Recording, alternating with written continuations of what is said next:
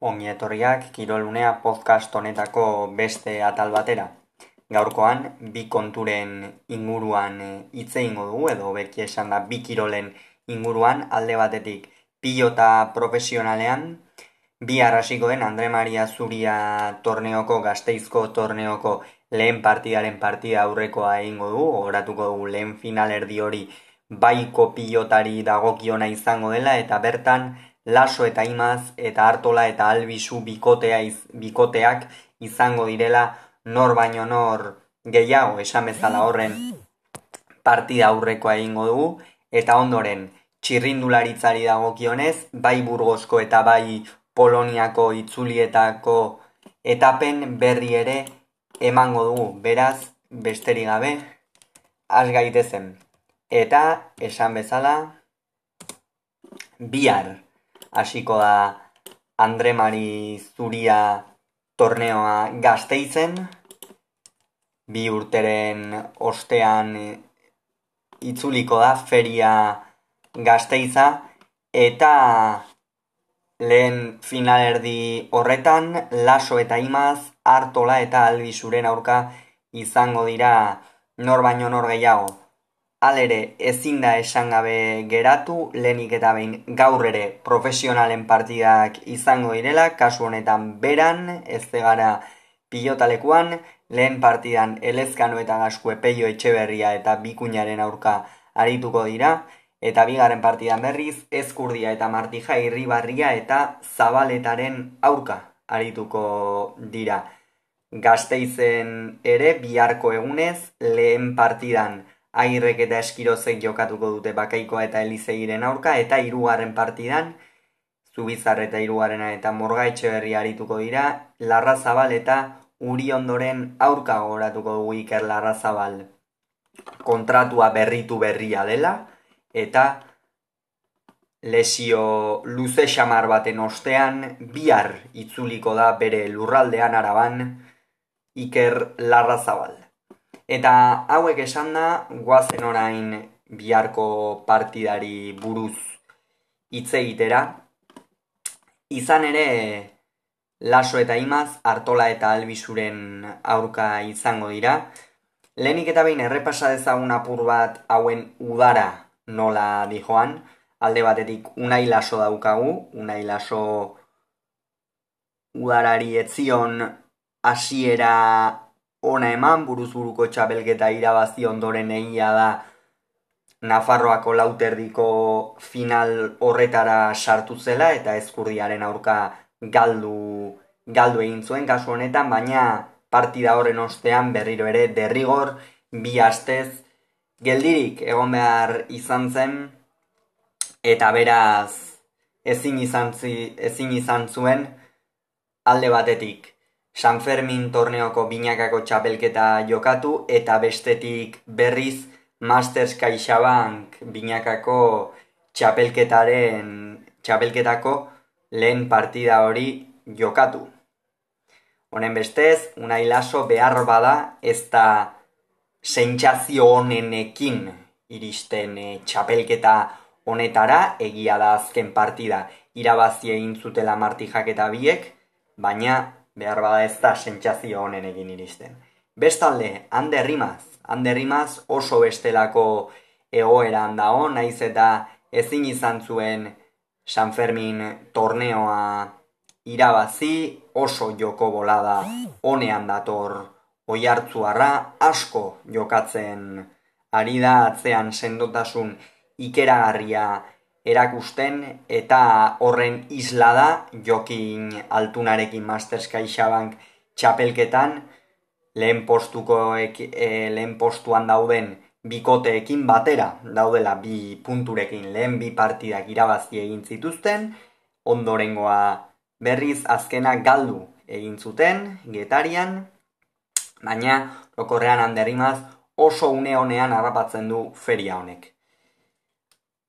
Iñaki hartolaren inguruan zer esan, ba Iñaki hartolak, beno, etzion hasiera oso na eman udari ez da, San Fermin torneoan final laurdenetan kanporatua izan zen, hor ere jokatu zituen binakako partida asko ez zituen eh, bere mailan jokatu, baina ondoren ordea San Fermin torneoa sekulakoa egin zuen, sekulako erakustaldi eman zuten Mari Ezkurrenak eta biek eta txapeldun izateraino iritsi ziren. Beraz, Iñaki Artolak badu berme hori ez da, txapeldun izan zen San Fermin torneoan, orain Masters Kaixaban txapelketa honetan ez dute sartu, baina lehen da bizigo partida hori unai lasoren ordez berak jokatu zuen martijarekin, ezin izan zuten ezer egin izan ezkurdia eta mari ezkurrenaren aurka, eta oso irregular dabil, ez da partida batzuetan asko jokatzen ari da, esan dugun bezala, sekulako San Fermin torneoa egin zuen, baina gainontzeko binakako partido eta partidetan ez gara. Benetako Iñaki Artola ikusten ari eta ez gara berme handia ematen duen Iñaki Artola bat ikusten ari. Eta azkenik albizu, albizuren inguruan zer esan, ba, ezin izan zuen San Fermin torneoa ere irabazi, orain asera oso na eman diote irribarriak eta biek Masters CaixaBank txapelketari, behar bada ez ziren gainontzeko bikoteak ikusita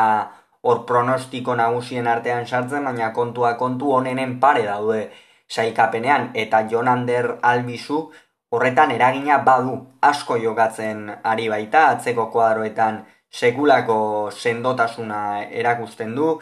egia da tarteka pilota garbi batzu galtzen ari dela, baina orokorrean sekulako bermea ematen du ezker eskuin asko jokatzen ari da, eta erne. Beno, lau pilotariak errepasatuta, guazen pixka bat partida nondik nora joan daiteken eta gakoak non egon daitezken esatera, ezta? Azkenean aurreko kuadroetan bi pilotari nahiko desberdin ikusiko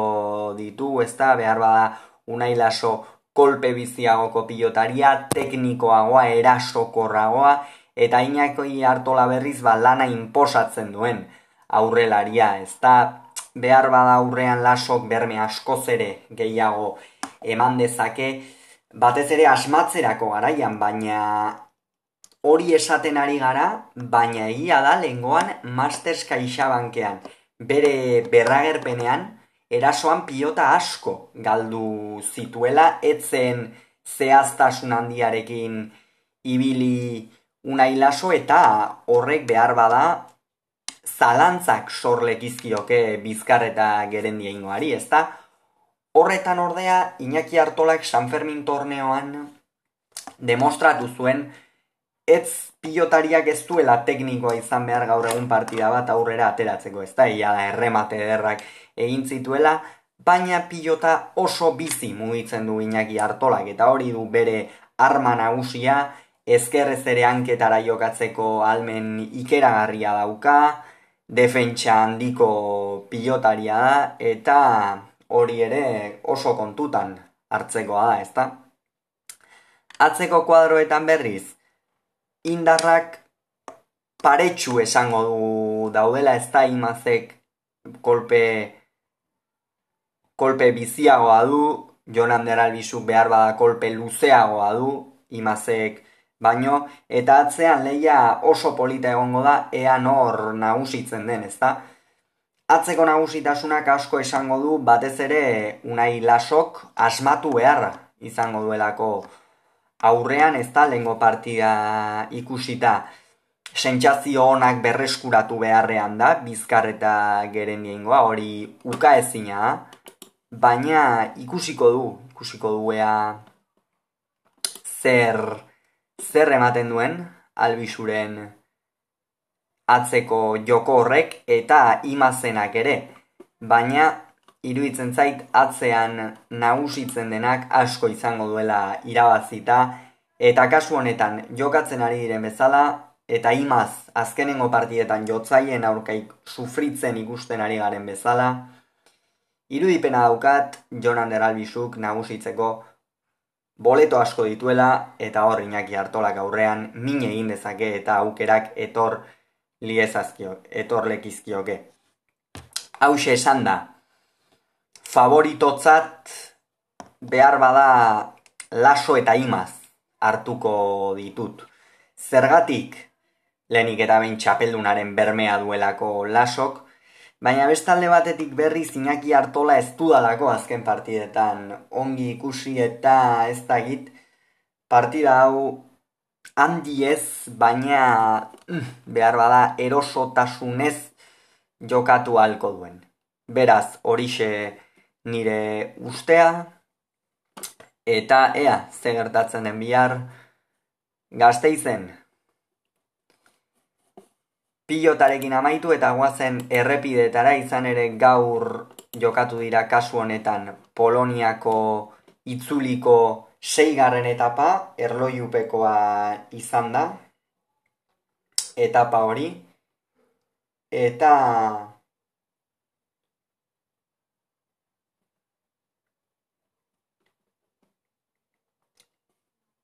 garaia, etapako garaia, Arensman izan da, amazazpi eta berrogeiko kronoa egin du Holandarrak, bigarren Magnus Sheffield estatu batu arrazazpi segundura, iruaren Ethan Haider Britaniarra zortzi segundura, laugarren Remi Cabana frantsesa hogei segundura, bosgarren Marco Brenner Alemaniarra hogeita sei segundura, seigarren Bentulet Britaniarra ere, hogeita zortzi segundura, zazpigaren Samuele Batistela, hogeita mar segundura, zortzigaren Mateo Sobrero Italiarra eta Batistela ere Italiarra, hogeita maikara, beheratziaren Peio Bilbao izan da, hogeita amabi segundura, eta amargarren Mark Padun Ukraniarra, hogeita amabost segundura. Sailkapen nagusiari dagokionez, haiterrek jarraitzen du lider, Bigarren Aresman amaika segundura, Peio Bilbao bigarren postu hori galdu du irugarren eta emezortzi segundura jarri da, laugarren Mateo Sobrero da hogeita irura, bosgarren Bentulet hogeita bostera, seigarren Remi Kabana hogeita maikera, zazpigarren Samuele Batistela hogeita mabira, zortzigarren Sergio Igita hogeita mabira ere, bederatzigarren Diego Ulisi berroita bostera eta amargarren Bruno Armirail berroita amar segundura. Poloniakoarekin amaitu eta guazen burgoseko itzuliako iruaren etaparen berri ematera. Izan ere gaurkoan tronxonek irabazi du esprinean. Sibakov izan da bigarren eta honen bestez lidertza lortu du Frantziarrak. Irugarren Alejandro Valverde izan da hogeita zortzira, laugarren Rubén Guerreiro hogeita zortzira ere, bosgarren Geogegan Hart hogeita zortzira ere, seigaren Van Bilder hogeita zortzira ere, zazpigaren Buitra hogeita zortzira, zortzigaren Mintzentxo Nibali hogeita zortzira, beheratziaren Kenny Elison hogeita zortzira ere, eta margaren Esteban Chávez denbora berdinera. Eta sailkapen orokorrean esan bezala Sibakov jarri da, Pavel Sibakov, Ineosekoa, Bigarren Santiago Buitrago jarri da hogeita iru segundura, irugarren Ruen Guerreiro hogeita zeira, laugarren Geoegan Hart hogeita zeira, bosgarren Jane Hildei giroko irabazlea hogeita zeira, seigarren Esteban Txabez hogeita zeira ere, zazpigaren Vincenzo Nibali hogeita zortzira, zortzigaren Wilko Keldenman hogeita zortzira, bederatziaren Lorenz de Plas hogeita zortzira ere, eta amargarren Jan Van Bilder hogeita zortzi segundura hau ere. Eta hause izan da, burgoseko itzuliaren inguruan esan beharreko guztia, eta hause izan da gaurko atalean esan beharreko guztia honen bestez. Urrengoan gehiago izango duzuek irolunea podcast honetan, bitartean ongi izan agur.